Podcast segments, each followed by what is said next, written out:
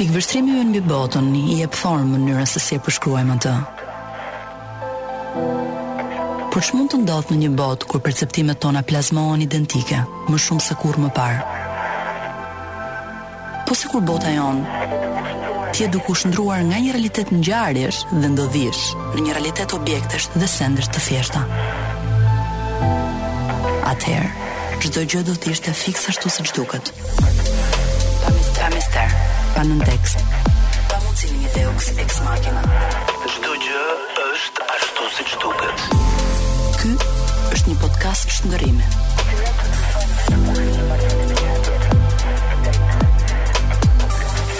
Çdo gjë është ashtu siç duket. Mirë mbrëma, pavarësisht se është një çike vështirë tani të thush mirë mbrëma me këtë kohën edhe sa shumë zgjat dita dhe që të gjithë mendojmë uh, që kemi dhe po aq ditë tjetër përpara.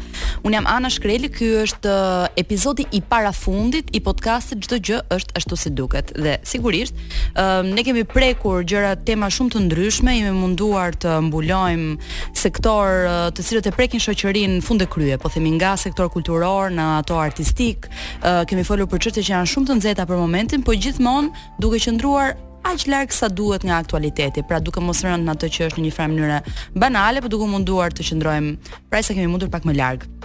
Kështu që unë kam ruajtur një episod shumë të bukur për sot si puntatë e parafundit uh, që është. Kam të ftuar në studio Ervin Gocin, uh, bion e të cilit do ta lexoj pas pak që dhe ju ta kuptoni kush është dhe pse duhet të qëndroni të sintonizuar për dy orë tani live me radhë, po në fakt kur uh, transmetohet podcast, podcast jonë është vetëm një orë.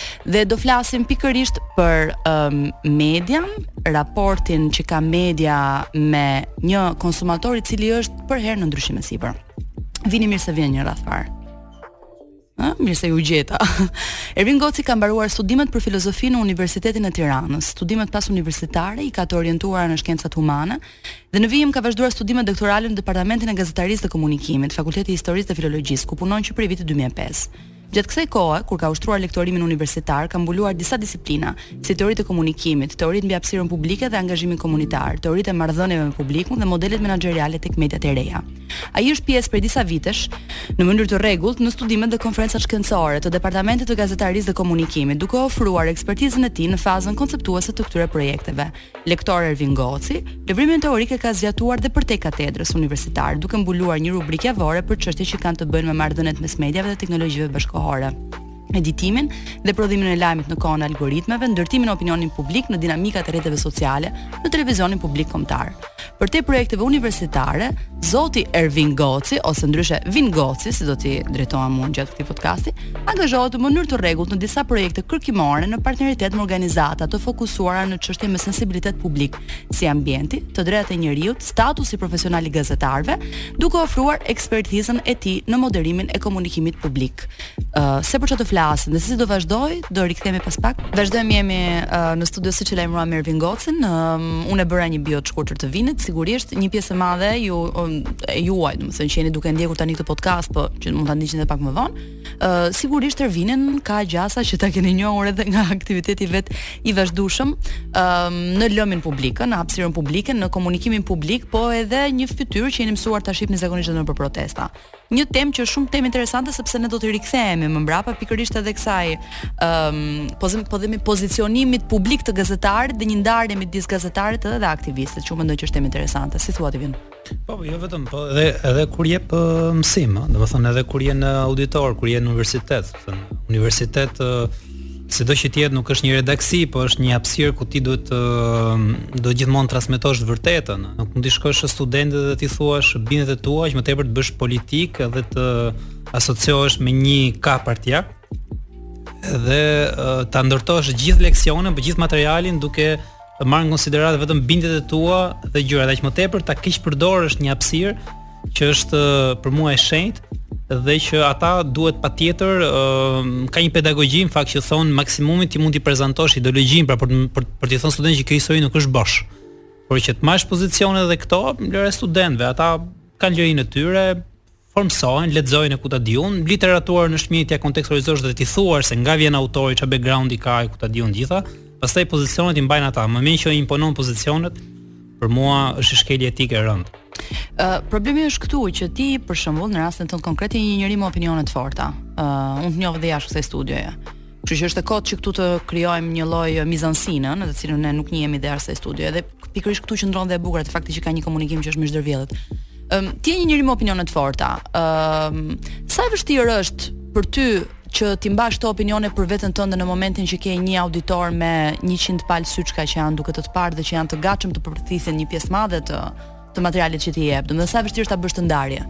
Sepse në formimin tim unë e kam që në fakt janë opinione që ndërtojnë mendimet, pra janë është pjesa irracionale, është pjesa e interesuar që i ndërton mendimet dhe unë jetoj tërë kohën me këtë tension dhe mundohem që veten time t'i bëj grafi gjatë gjithë kohës, domethënë është e pamundur ta evitosh një Një njeri i cili del në auditor nëse s'ka këtë lloj tensioni, për mua është njeri i rrezikshëm, është njeri i rrezikshëm dhe është shumë shumë brutal edhe është pak dhe budalla domethënë.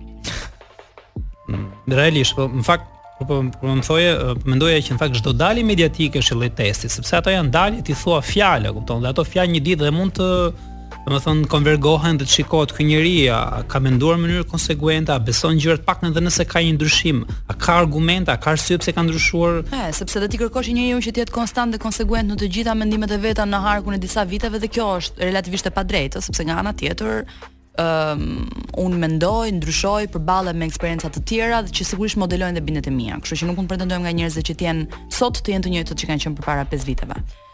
Megjithatë unë doja të doja ta nisja të gjithë këtë diskutimin tonë, e patëm një fërkim fillestar për cila është realisht tema ë uh, mm. e këtij diskutimi sot. ë uh, Pra ishte gazetari përballë objektivitetit apo mediat përpara një audiencë të re. Që në një farë mënyrë mua më duket sikur këto janë tema shumë në kapërcyell, janë tema ndërsektoriale. Pra në një farë mënyrë njëra shkakton pak tjetrën. Dhe doja të ndaloja ke një raport i Reutersit, um, që është raporti i lajmeve digjitale të Institutit Reuters mbi besimin në organizatat individuale të lajmeve. Tani është historia e një gazetareje që quhet Maria Ressa dhe ekipi i saj, të cilët të veprojnë janë me bazë në Filipine. Ëm um, dhe veprojnë në këtë median e pavarur që quhet Ressa. Media e pavarur ka Një Rappler, Rappler, Ressa është emri. Mm -hmm. Po, Rappler. Mm -hmm. Tani, uh, ka një problem bashkë me Dimitri Muratovin, um, që është gazetar i famshëm rus, i cili gjithashtu mori çmim Nobel, edhe Maria Ressa u dekorua, po themi me çmim Nobel në 2021-shin. Mirëpo, në këtë raportin e besueshmërisë kur u mblodhën të dhënat, rezultoi që ky outlet mediatik, po e quaj unë, kishte pavarësisht ekspozimit më të madh, kishte kredibilitet më të ulët nga konsumatorët, pra nga audienca. Si është e mundur të ndodhë një gjë e tillë?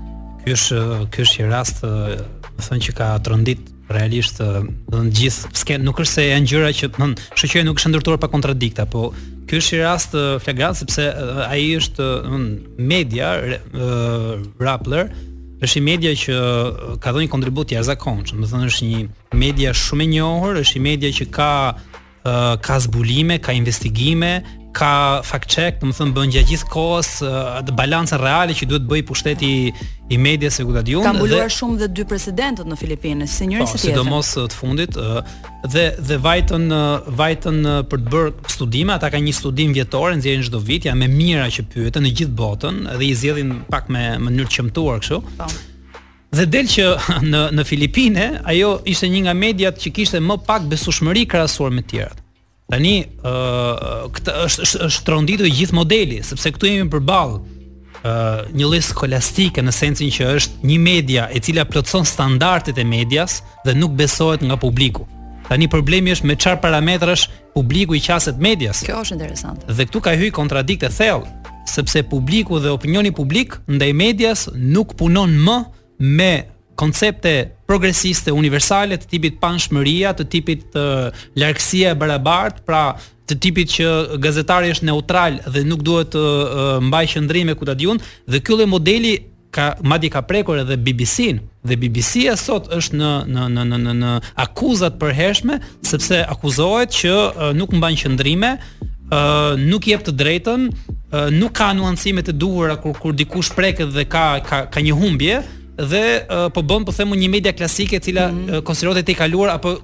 konsiderohet jashtë tensionit të shoqërisë në Është vërtet, aktualitet. BBC-ja u vu edhe në qendër të disa sulmeve publike para mm -hmm. sa mhm. kohë, sepse miratoi një rregullore të brendshme, e cila parashikonte që gazetarët të cilët punojnë për BBC-n, uh, nuk e kanë më të lejuar të shprehin opinionet e tyre, po, në rrjetet e tyre sociale, edhe nëse thonë që këto janë pikëvështrimet e mia dhe jo të punëdhënësit tim. Pra në një farë mënyre, uh, a BBC-ja ka kërkuar që gazetari të mos shprehet as në rrjetet e veta publike. Mm. Unë kisha një gjë të ngjashme tek New York Times, në mos gaboj, ë uh, ë uh, Kjo është uh, është një është një betejë e përhershme. Për shembull, uh, ne kemi këto protestat uh, që ishin kundër dhunës uh, ndaj grave, domethënë gjithë fushata MeToo, edhe ka pas gazetarë që kanë dalë kanë dalë hapur. Uh, siç ka uh, protesta kundër racizmit dhe këtu u shtrua një debat tani që ky njeri që del dhe proteston është në protestë, është njeri i angazhuar dhe në të njëjtën kohë është dhe gazetar dhe raporton, a mund të quhet më gazetar? Kjo mendoj që e ka shkundur totalisht uh, botën e informimit, medias, uh, industrinë, uh, do do thoja, sepse uh, këtu tani përballet gazetari profesionist i cili është një ë uh, le të themi i varur i medias, është një është një njeri që është i punësuar nga media, po nga ana tjetër është një njeri i cili ka një profil në rrjetet e veta sociale, është një fytyrë, është një individ dhe uh, mendon se mendimet e veta, qëndrimet e veta, uh, pozicioni i vet, statura e vet duhet patjetër manifestuar sepse kjo sipas gazetarit i ndërton besueshmërinë dhe e ndihmon që të ndërtojë raporte të besueshme me publikun. Tani media nga njëra anë që nuk ka jetën vetëm një gazetari, po duhet administrojë opinion, duhet administrojë rreth par para. Ë ka halle të tjera. Gazetari thotë që un jam i marrëdhënie direkte, vë fytyrën time dhe kam ato linjat e mia drejt për drejt komunikimit, kam qasjet e mia, duhet t'i manifestoj në në në publik sepse në fund fare ky është dinjiteti im. Un un mbi këto ndërtohem dhe mbi këto flas. Dhe këtu janë një janë janë mijëra e mijëra uh, dinamika që normalisht uh, në varësi ku ta vëmë theksin, po këtu unë mund të flas pafund. Jo, unë kuptoj që ti mund të flasësh pafund, unë jam e bindur që ti mund të flasësh pafund për shumë gjëra, po doja të thoja këtë gjë që Uh, rasti që morëm me Filipinet nuk është rast i izoluar. Po. Ëm, um, pikërisht nga ky studim, meqë përmendë që është bërë nga mijëra njerëz të qëmtuar etj etj, ai është bërë një anketë e YouGovit në të cilën janë marrë 93000 konsumatorë nga 46 tregje që janë tregje mediatike. Dhe uh, tendenca që shikohet është pak a shumë e njëjtë. Tendenca që shihet është që ato media outlet, pra ato uh, po themi struktura, ë, uh, mediatike etj etj, të cilat uh, bëjnë gazetari të pavarur dhe nuk janë pjesë e grupeve të mëdha, kanë gjithmonë pëlqyeshmëri më të vogël. Këto ishin uh, Maneskin me një këngë supermodel. Unë i du shumë, nuk e di çfarë opinioni ka uh, profja për uh, Maneskinët. Më vjen keq të të zhgënjej këtu, po nuk më pëlqejnë. S'të pëlqejnë Maneskinët? Jo. Po pse s'pëlqejnë ata në një farë mënyre i treguan botës që rock and roll was not dead, e kupton? Domethënë fituan Eurovisionin, një një një kontest që e fitojnë lloj e soj ku di un paçavuresh. I vetmi moment kur ai hyri në vëmendjen time në rreze si me thënë ishte kur uh, mora vesh që po dilte me Shakira, domethënë ky ishte një. Oh. Po. Tani së fundmi. Mm. Nuk e di këtë. Kjo ishte ajo që thash, prit se ky robi duhet të fillu me e pa pak, domethënë. Nëse më duket interesant dhe aspekti estetik më duket interesant, ja ti më Ty të kemi. Ti kishe goxha, domethënë goxha siluet rock po. Ah, ty të kemi dhe fans të madh Muse, domethënë, kështu që. Po, ai Muse është bërë si si çunak domethënë, që ka ka ik pak, ka devijuar. Nuk është më i pari. Para. Mm, po ne të mos devijojmë. Do të thotë jam unë më i pari po. Edhe ti s'je më i pari kjo është. Kjo, kjo nuk ka diskutim. Ë, uh, vini Uh, si fillim se këtë vërtet e bëj gjithmonë, domethënë gjithmonë që sa herë që rihyn nuk e them, që unë jam Ana Shkreli dhe kjo është gjë që ashtu si duket, e marr për mirëqenë që ju të gjithë ju që më ndiqni e dini tashmë mm. pavarësisht se s'keni nga ta dini. Ëm um, vin për të mos devijuar. Po deri tani kemi folur për një lloj humbje, ë, besueshmërie që ka dhe audienca, pra konsumatori i lajmeve ndaj outleteve të ndryshme mediatike. ndaj strukturave mediatike. Ëm um, folëm padyshim që kjo gjë ka tendencën të prekë ato që janë media më të vogla të pavarura, shpesh investigative etj etj. Dhe rasti më eklatant ishte ky i Maria Resas, ëm um, e cila është dhe çmim Nobel. Ëm um, Nganjëherë, nganjëherë mendoj që këto çmime që jepen gazetarëve nganjëherë edhe i dëmtojnë në opinion publik, sepse ëm um, gjithmonë e më shumë në këto valat e reja hipernacionaliste që janë ngritur, njerëzve i krijohet përshtypja sikur ka një konspiracion të madh të një dore globale për ta menaxhuar botën nëpërmjet këtyre njerëzve, vëre më çat dua Shqipëri i quajnë Soros, domethënë. Mhm. Ëm mm -hmm. uh, për t'i menaxhuar këta njerëz dhe që shkon kundër interesave të të po themi banorëve lokal. Ëm, um, si e mendon ti? Pse nganjëherë dëmtohen këta nga ky çmim? Po, në këtë rast, më thënë duhet parë pak se çka ka ndodh mas Nobelit. Po Nobeli është një lloj autoriteti, është një lloj autoriteti që mundet fare vjen nga jashtë. Mirëpo sot marrëdhënia midis lexuesi dhe medias është e drejtpërdrejtë. Dhe është aq e drejtpërdrejtë, këtu tani ka ka dinamika të cilat duhen duhen realisht parë, sepse ka të drejtpërdrejtë për shembull që të thithin kështu si vorbull dhe ta përdorin vëmendjen, pra gjithë kohës të luajnë, po ka nga ata që janë të quhet ai që quhet eksperiencë e thellë, pra ai domethënë media redaksia të të fut brenda medias dhe ndërkohë media të furnizon jo vetëm informacion, jo vetëm eksperiencë, por edhe të nxjerr personalisht gazetarë që të komunikosh drejtpërdrejt. Kjo kjo konsiderohet një nga elementet që e, e kushtëzon më shumë besimin. Kur ti e njeh gazetarin në mënyrë drejtpërdrejt, kur lidhesh, kur shikon kohezionin e tij, konsistencën, kur e di çfarë mendon, çfarë beson e ku ta di unë, dhe mbi të gjitha ato që quhen dinamikat editoriale, sot po t'i shikosh me kujdes, të gjithë kanë i kanë hapur letrat ndaj publikut.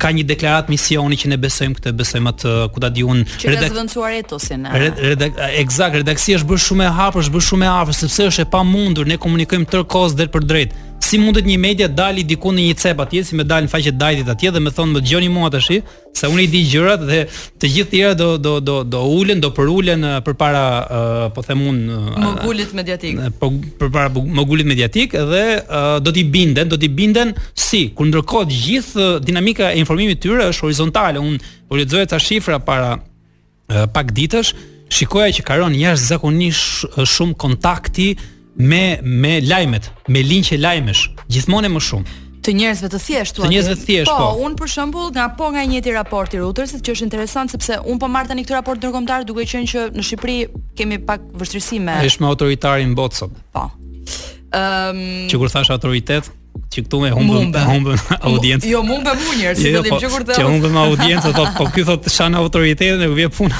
Që ka vetë një mogul i madh universitar. Që ka vetë një një kështu. Njëri nga ato.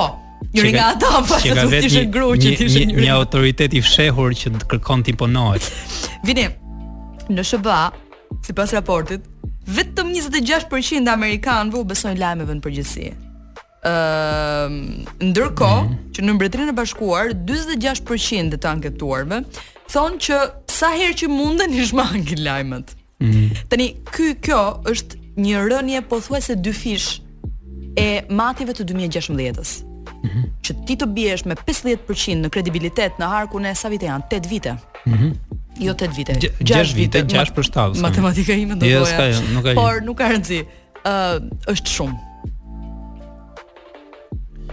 Që do të thotë që ka një trend që është i fuqishëm dhe që nuk ka lidhje thjesht me median, pra këtu nuk është problemi që unë me këtë media kam humb besimin, ha, sepse po ta zëm unë edhe ti nuk i besojmë njëri tjetrit. Nuk është një marrëdhënie midis thjesht një audience, një konsumatori dhe një mediaje. Është një problem sistemik që në në në, në domethënë literaturën që unë e kam parë trajtohet si kryesisht një dëmtim i autoritetit dhe uh, flasin për qeveritë, flasin për organizatat, të gjitha janë të dëmtuar dhe media është në listën e këtyre. Po dhe që edhe këto mediat e pavarura sulmohen, ë, marrin sulme qeveritarësh ose sulme politikanësh, mm -hmm. fushata të tëra trollësh të kthyera kundër tyre këto i kemi parë të ndodhin në Shqipëri, domethënë. Pra, Ë uh, po ndodh gjithandej. Ë uh, dhe sigurisht janë gjëra që ndikojnë në kredibilitet, sepse një pjesë e madhe e audiencës ka një lloj partizashmërie ndaj një politikani, ndaj një force ose jo. Unë mendoj që më të dëmtuarat janë këta që quhen mediat e mëdha, sepse mediat e pavarura ose këto që janë media që kanë pozicione të qarta, këta kanë këta besueshmërinë e kanë shumë të lartë, se ky është pak a shumë gjetja e këtij raporti. Këta që kanë bindje dhe që kanë gjetë median që ia jep atë confirmation bias, domethënë që praktikisht është konfirmimi i një paragjykimi që ata kanë, një bindjeje, një kahjeje, ata e duan atë media. Dhe shkojnë kërkojnë pikërisht atë media. Dhe tani lufta e madhe është bërë si ta nxjerrësh nga tollumbacja këtë njeri dhe t'i japësh mundësinë që të konsumojë dhe të uh, dialogojë me bindje të tjera me njerëz të tjerë, sepse duket sikur jetojmë në realitete paralele. Këtu është çarë në dysh tani uh, diskutimi mbi klimën, është çarë në dysh ku ta di unë në ah, raportin uh, me Po kjo kjo është një gjë shumë interesante që ti më dole në një nga temat e mia të preferuara që isha duke bë dhe para disa ditësh këtë gjë. Ëm ehm, uh, nga leximet që unë kam bërë të raporteve të ndryshme, po që analizojnë në njëfarë mënyre mënyrën se si funksionojnë rrjetet sociale tek ne, pra se si është i ndërtuar algoritmi. Ti mund të bësh thjesht një provë. Nëse fillon dhe ndjek video, po themi që janë video të një politikani të djathtë, Sa më shumë video të tilla të shohësh. Je i dënuar. Aq më shumë në ekstremin e djathtë do të të çojnë ato video. Pra një herë shef njërin që është i djathtë qendër. Pastaj ajo të sugjeron algoritmi automatikisht dikë i cili është pak më e, e, po themi konservator. E kështu me radhë, kështu me radhë derisa e ke fare të lehtë të përfundosh në teori komplet naziste, domethënë, dhe kjo mm. është vërtetuar që funksionon kështu. Algoritmi funksionon në këtë mënyrë, pra të polarit, Në radhë të parë njëherë të ofron vetëm atë që është është vizioni yt. Dhe në radhë të dytë vizionin tënd ka tendencën ta çojë në ekstreme. Mm. Dhe kjo konsiderohet që kjo është arsyeja pse është radikalizuar kaq shumë opinioni global dhe njerëzit janë polarizuar. Dhe, dhe madje amplifikohet dhe me modelin e jetesës. Aty ke pak a shumë biznese që kanë ato lloj bindjesh. Ato ato reklama të dalin. Po po po, të gjitha fillon të krijohet sisteme jo, uh... të sugjerojnë njerëz që ti t'i edësh si miq. të gjithë dhe uh, arrin një pikë pastaj që ti nuk duron më gjë tjetër sepse ai është komforti yt, ai është bota jote, kthehet universi jot, kthehet hapësira jote publike, kthehet madje madje edhe raporti që ka individi me pushtetin, me me me, me shtetin, kthehet pak a shumë mënyra të bërit politikë të ajo është si një lloj rrugëtimi i angazhimit. Njerëzit mësojnë të angazhohen, kthehet si një lloj literacy. Domethënë ajo të kthehet pak a shumë dija. Dhe domethënë një paragjykim mund të të kthehet në sistem të tërë. Dhe ky është problemi më i madh. Dhe këta ë ë, domethënë sot ka ka studime që këto i trajtojnë dhe si probleme mendore realisht. ë nuk është kaq kaq e lehtë kjo gjëja, sepse nuk është problemi se ti beson diçka dhe do të ruash bindjen tënde. Problemi i madh është që kjo e kalon pastaj në skizofreni dhe e kthen në një sjellje të tipit që mua më mjaftojnë dy klike dhe dy uh, scroll-e që unë të të fshij ty fare, se s'bie dakord me ty dhe mund të të zhduk nga jeta ime, kupton? Vetëm vetëm Kjo me dy. Kjo patjetër që është skizofreni, sepse siç ti duhet ta dish ne këtu shpesh bëjmë etimologji fjale dhe fjala skizofreni vjen pikërisht nga skizma që do të thotë ndarje. Pra është një unë që është i ndarë në dy anë. Në këtë rast është një trup i madh politik, po themi një kombi ose një planeti nuk ka rëndësi, mm. një trup i madh njerëzor i cili polarizohet pra ndahet në dysh. Ajo që mua më shqetëson gjithmonë më shumë. Dhe me fjalë po. sa herë ka një ndarje në dysh, ka gjithmonë një i tretë që përfiton. Zakonisht kush janë këta përfituesit? Janë biznese ose ose janë biznese. ose ose politikanë pa ngjyrë ose populistë. vogël. Ose populist. Ose populist. Jo, jo korporata, biznese, jo në kuptimin e okay. kafja, kafja poshtë. ata i duam ata, ata që janë të vegjël i duam. Ata i duam. Të vegjël jemi vetë prandaj. Ata i duam shumë dhe kafet ua pimë. Po, edhe kafet ua pimë, edhe lëngun ua pimë.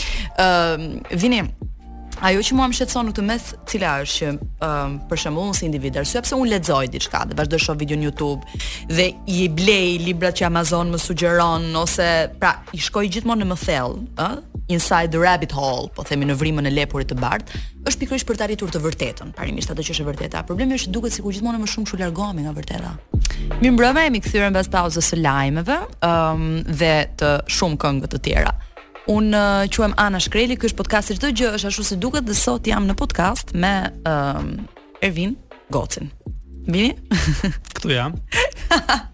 Vini po më thoshte që në fakt për ata që janë duke na dëgjuar në makinë, pauza është relativisht relativisht e gjatë dhe shkëputëse. Ë, uh, megjithatë, po kur paketohet, po kur paketohet siç duhet, ë uh, është okay. Vini, uh, për të bërë një wrapping up edhe një herë për gjërat që kemi folur.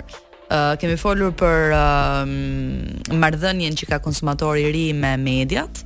Uh, kemi folur për polarizimin që shkakton pikërisht ky algoritmi që është algoritmi i digjitalizimit të lajmeve të tjera dhe pata edhe një diskutim me uh, Vinin tani që si shqiptohet ai news outleti i madh Reuters, që unë tani i thoja Reuters, dhe ai thoshte s'ka mundësi sepse në anglisht do të shqiptohet Reuters, pastaj u futëm dhe hapëm një video specifike në YouTube ku ku zbuluam që në fakt emri është vjen nga nga një mbiemër gjerman, kështu që në Gjermani çdo gjë mund të shqiptohet. Meu. si të duash, domethënë. Ëm, uh, vin. Po flisnim për polarizimin ekstrem që ka pësuar shoqëria si rrjedhojë e komunikimit online, digjitalizimeve, po dhe futjes së gjithë këtyre gjërave që të sugjerojnë në vazhdimësi dhe si një lloj nis si një lloj hulumtimi drejt së vërtetës, po në fakt kthehesh në atë kalin që ia kanë zënë sytë dhe duhet të ecë vetëm drejt. Ëh. Mm -hmm. uh, pak problemi më madhor i kësaj është se sepse njerëzit vërtet mund të kenë eksperienca të personalizuara, Por uh, kjo mund të krijojë iluzionin që mua më mjafton vetja dhe ngatërrohet vetja me universin dhe thua universi është vetja ime. Pra bëhesh ajo që ndryshe quhet kozmocentrik, exact. që është faza e parë e ekzistencës së foshnjës. Dhe e çmendurisë. Pra bëhesh foshnjarak. Dhe e çmendurisë.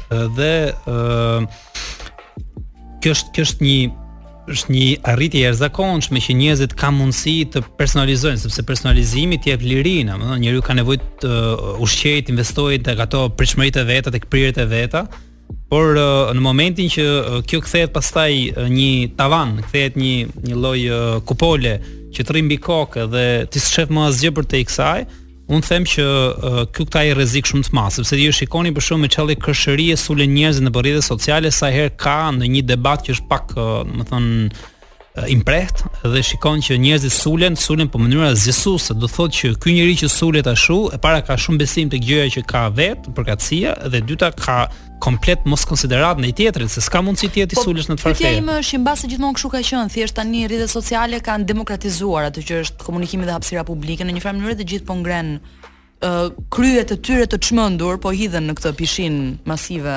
opinionesh. Në shoqëritë e lira ka pas gjithmonë diversitet, gjithmonë. Po, po por, nuk ka patur liri shprehjeje të këtij niveli. Por problemi i madh është se ne tashmë nuk biem dakord më as kush janë çështjet e axhendës, jo më thjesht si t'i qasemi axhendës. Domethënë ti thua që për mua kryesore duhet të jetë kjo temë, unë them jo, s'para vlen fare, unë kam një temë tjetër. Po mirë, sigurisht që ndryshon në bazë të vlerave dhe të hierarkisë së vlerave të secilit. Po në qoftë se ne s'biem dakord as se kush janë çështjet më të mprehta, kush janë problemet madhore që ka ta zëmë Shqipëria sot, uh, unë nuk e di çfarë çfarë diskutimi sepse ne mund të variojmë tek qëndrimet. Po mos bim dakord as se çfarë problemesh ka ka Shqipëria, mendoj se kjo është sfida më e madhe sot e, e çdo lloj komunikatori publik, sidomos e subjekteve politike, që duhet ndërtoj një lloj retorike, e cila nuk nuk duhet ta ta ushqej, nuk duhet ta zmadhoj, ta ta amplifikoj këtë lloj komunikimi. Dhe problemi i madh është që subjektet politike për shembull që janë enzima dhe që janë katalizatorë të kësaj historie, nuk e kanë këtë lloj specializimi dhe i japin një gjym ka të tjerë që e bëjnë qëllimisht pikërisht për të zënë një hapësirë ku ata shikojnë që ka një ndjeshmëri të lartë dhe çfarë bëjnë në vend që në vend që ti, domethënë ta moderojnë këtë lloj hapësire, i vënë flakën, i frynë më tepër dhe duan ta shtyjnë në ekstrem. Si e si për të përfituar. Unë mendoj që ky është problemi real i retorikës politike në Shqipëri. Domethënë fakti që ajo polarizohet në mënyrë të qëllimshme mendoj unë. Që ti mund thuash kush je ti që thua që bëhet në mënyrë të qëllimshme. Ky është një opinion. Dhe rikthehemi mm. prapë te tema sa objektiv apo jo duhet të ketë, duhet të jetë personi i cili në një farë mënyrë monitoron këtë bisedën mediatike. Megjithatë unë mendoj që po, është e qëllimshme. Domethënë mendoj që vënia përballë e dy pozitave në cilën ti je armiku im, ti je miku im dhe ti nuk mund të jesh diku në mes ose një herë të jesh në këtë anë, në atë anë, por gjërat janë të ndara me thik. Për mua është mm, është një mënyrë për të varfëruar atë që është kritika dhe që është mendimi. Mm, që unë s'e di si mund të ekzistojë një shoqëri pa kritik nga ana tjetër. Imagjino sot në Shqipëri për shembull të krijosh një lëvizje mbi disa parime.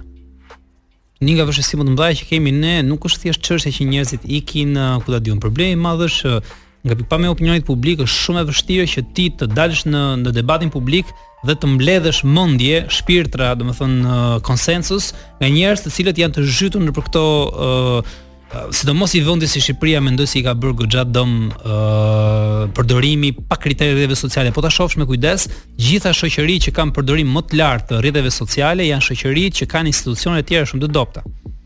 Kjo është, domethënë, kjo është pak a shumë e, e verifikuar, s'po them e vërtetuar, po e verifikuar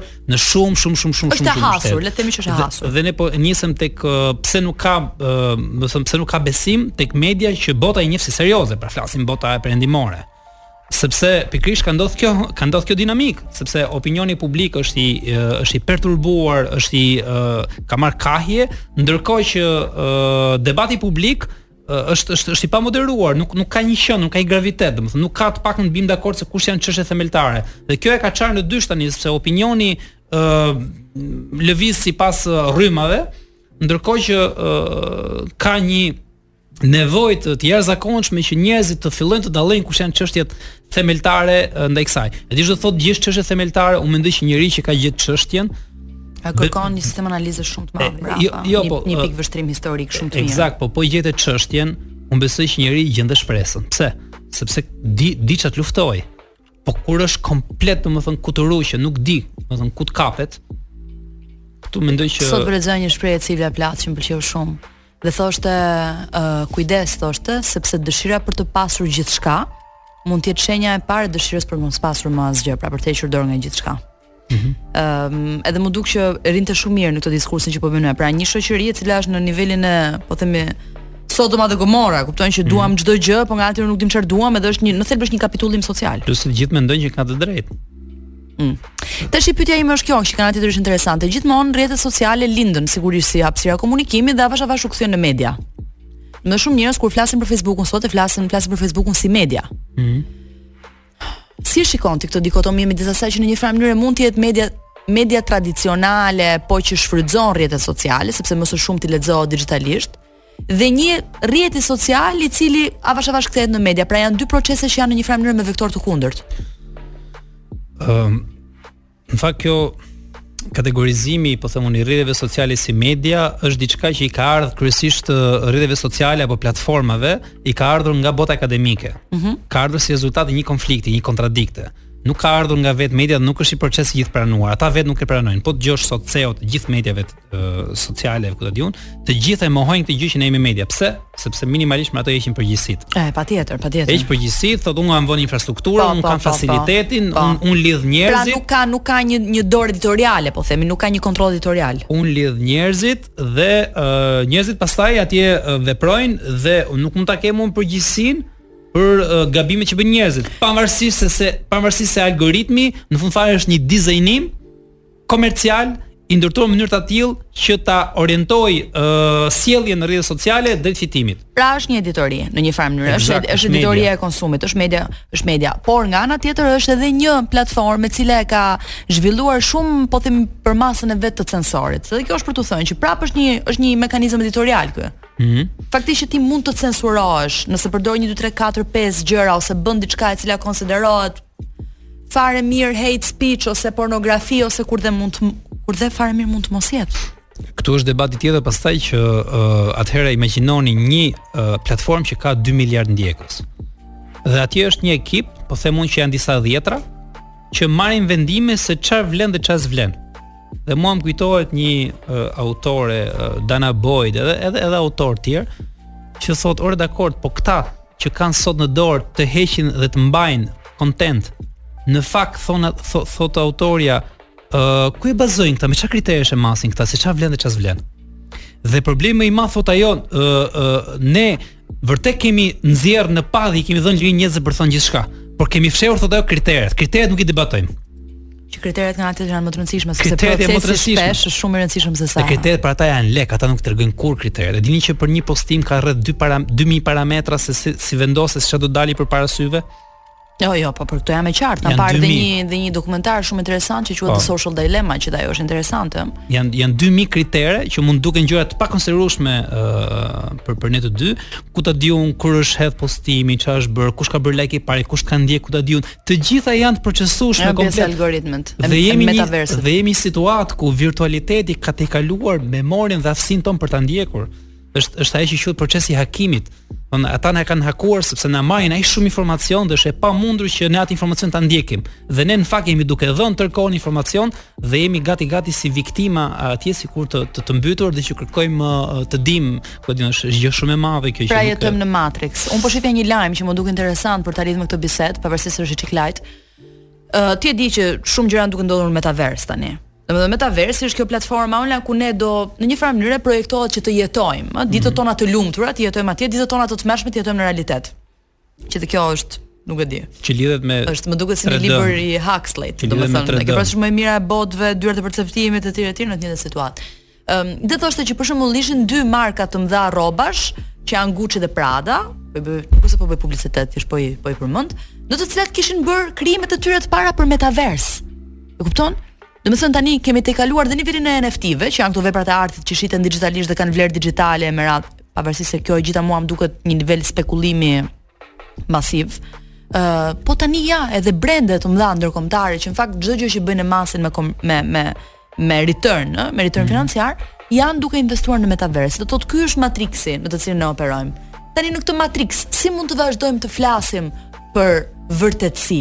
Se dhe kjo është e më bukur vini. Mm -hmm. në këtë Matrix, ku çdo gjë është e ndërtuar përtej realitetit, jo jo brenda jashtë përtej më përtej, është thjesht përtej, si mund të vazhdojmë të flasim për objektivitet dhe për vërtetësi të gazetarit e të medias. Është temë jashtëzakonisht shumë e komplikuar që unë nuk e di. Unë të tërhoqa në te vrima e lepurit. Sepse problemi kryesor është e para punës ça ça quajmë sot realitet, ëh që këtu fillon. Ça quajmë sot realitet. Kur ti mendon që ka një çarje midis fjalës dhe realitetit duke pasur eksperiencën shqisore drejtpërdrejt, imagjino të futet dhe një filtër tjetër që është 3D-ja. Tash e po. kuptojmë vetë se ku jemi. Unë mendoj që uh, ajo që e tejkalon këtë gjë është që ti në çdo situatë të heqësh dorë që po po gjen përkatësi me realitet. Duhet të heqësh dorë në në në koncept dhe mendim, që do të thotë Pra ti në një farë mënyrë të rrëzojmë një ideal që është një ideal shekullor i njeriut. Patjetër, sepse në qoftë se ne ecim me idenë që gjithçka ndodh nga pikëpamja e mediatizimit, ka si synim apo do të ngjajë apo do të pasqyrojë realitetin, ë uh, mendoj që është një investim pak ë uh, dembel dhe është pak uh, i devijuar sepse uh, edhe edhe edhe këta që që që folën për polarizimin dhe këta dhe këta kanë pretendimin që ajo që mendojnë ata në fakt është është është e lidhur me realitetin. Pra ka një besim në realitet që realiteti është kështu dhe besojnë megjithëse nisen nga nga nga formula algoritmike, problemi është që këto formula algoritmike kanë pasoja reale. Dhe edhe 3D-ja pa diskutim që do ketë pasoja fizike, Është e pamundur, kush mendon që do asgjësohet bota fizike e ka gabim, ne kemi një ekuilibër, kemi një balancë, por nuk do të thotë që bota fizike do do do, do zhduket. Atëherë do të thotë që njeriu duhet patjetër të jetojë me sisteme paralele dhe të kuptojë ç'është njëra ç'është tjetra dhe të dijë t'i balancojë, nëse nuk di t'i balancojë pastaj me siguri do thyejë këmbën o virtualisht ose në realitetin fizik për shkak virtualitetit ose në virtualitet për shkak realitetit fizik. Me siguri që këto dyja do do kërcasin. Mm, Mendoj unë. Do, do krijohet një skizëm, një tjetër skizëm. Patjetër, siç e shikojmë, sepse ë uh, problemi i asaj që folëm që pari është se këta futen ë, uh, domethënë, tollumbacja është një fenomen që në psikologji njihet si fenomeni liminoid, domethënë liminal. Çfarë do të thotë? Do të thotë që një media për shkak të ekosistemit mund të të arrijë të të marrë shqisat, madje të të marrë edhe mendjen dhe të ta fusë mendjen të ta projektojë në një realitet dhe kjo nuk është as konspiracion, as fantashkencë, as gjë.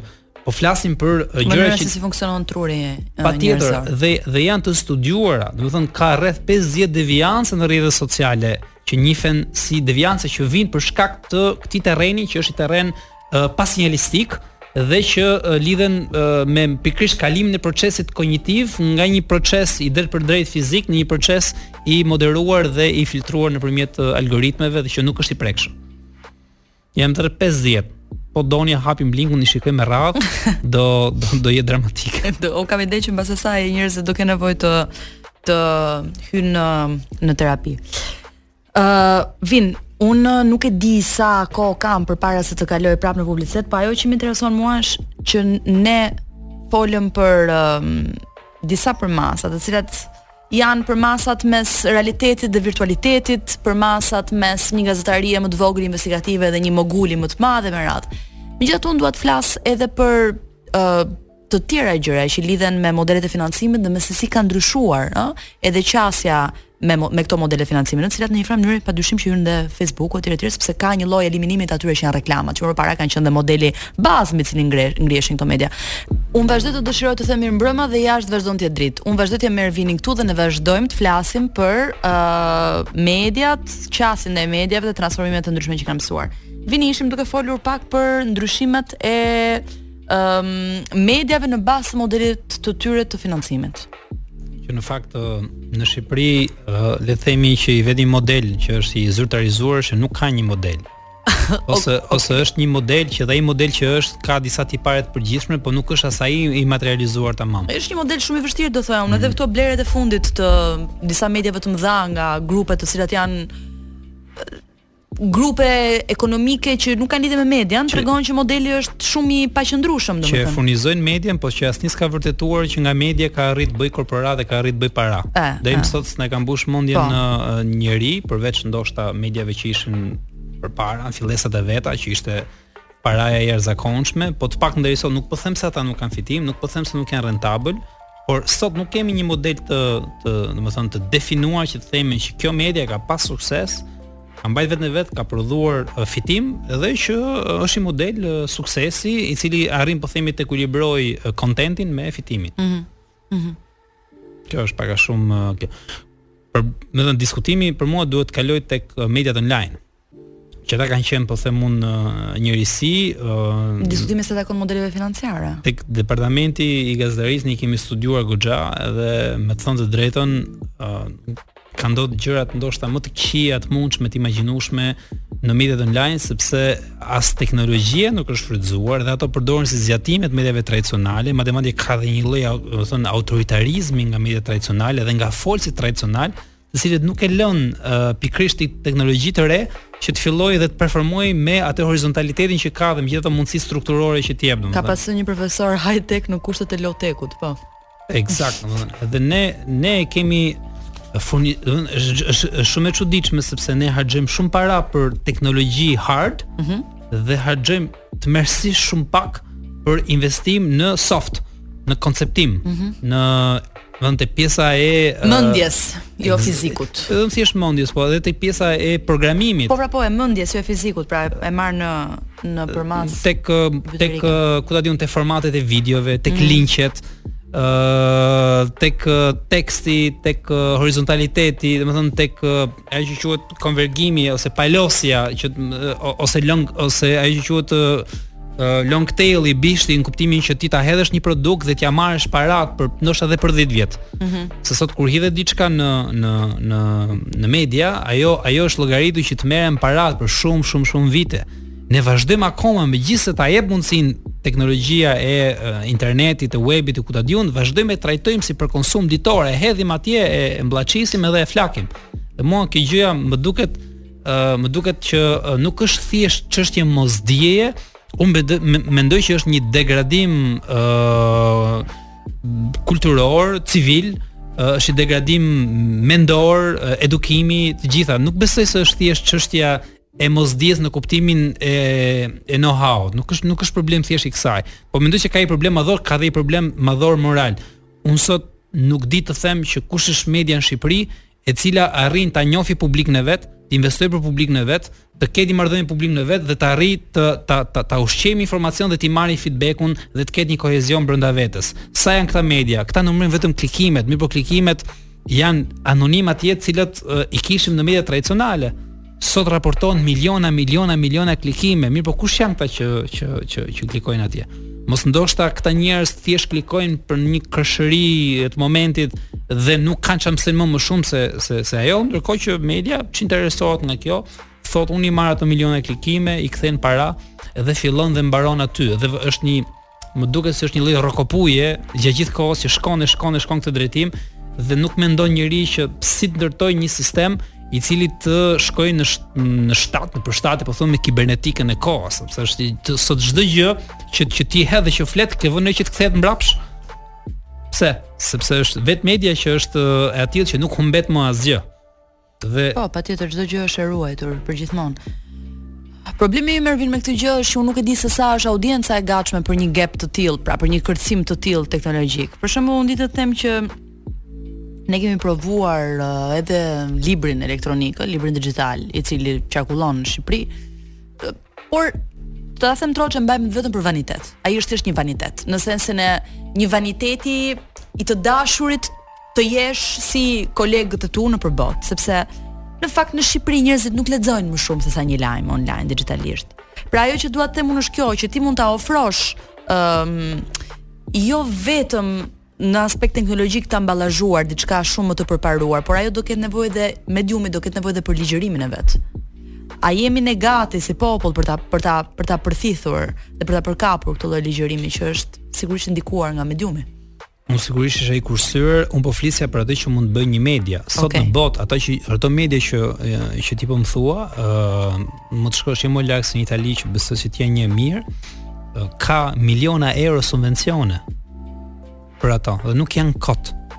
S'çojnë ato para kot sepse ata e dinë që në botën e në algoritmeve dhe klikimeve pafundme duhet patjetër që të prodhosh një kundërforcë. Dhe këtu nuk prodhohet me censurë, me të vënë kyçin, me të ardh të të thonë se s'bën ti. Jo, kjo do do do një kundërmodel. Dhe këta investojnë miliona euro, domethënë platforma të pafundme, arkiva, uh, ku ta di unë, uh, këto që quhen sitat, ë uh, Arkivat janë problem shumë i madh. Për shembull, një nga gjërat që mua më duket të tmerrshme është që um, në Shqipëri ti nuk gjen dot më artikuj që janë botuar, po them kot unë përpara 2013-ës. që kanë qenë online. Kjo është e tmerrshme, është një humbje totale e memories së çdo lloj gjëje që është shkruar dhe është thënë në këtë vend. Gjysma, nëse ti shkon dhe kërkon për shembull, po them kot unë, ëm um, publicistë. Mm. Të cilët shkruajnë mbi një temë specifike dhe i referohen ta zëmë një shkrimi që kanë bërë ata vetë në 2013, ti klikon në link dhe linku nuk ekziston më. Mm. Dhe kjo në 2022 është e paimagjinueshme që mos ketë më një memorie. Ë, kjo sigurisht kërkon një asistencë teknike, por përgjegjësinë e ka ndërmarrja, e ka media. Po, sigurisht. Sepse media nuk mendon për këtë gjë.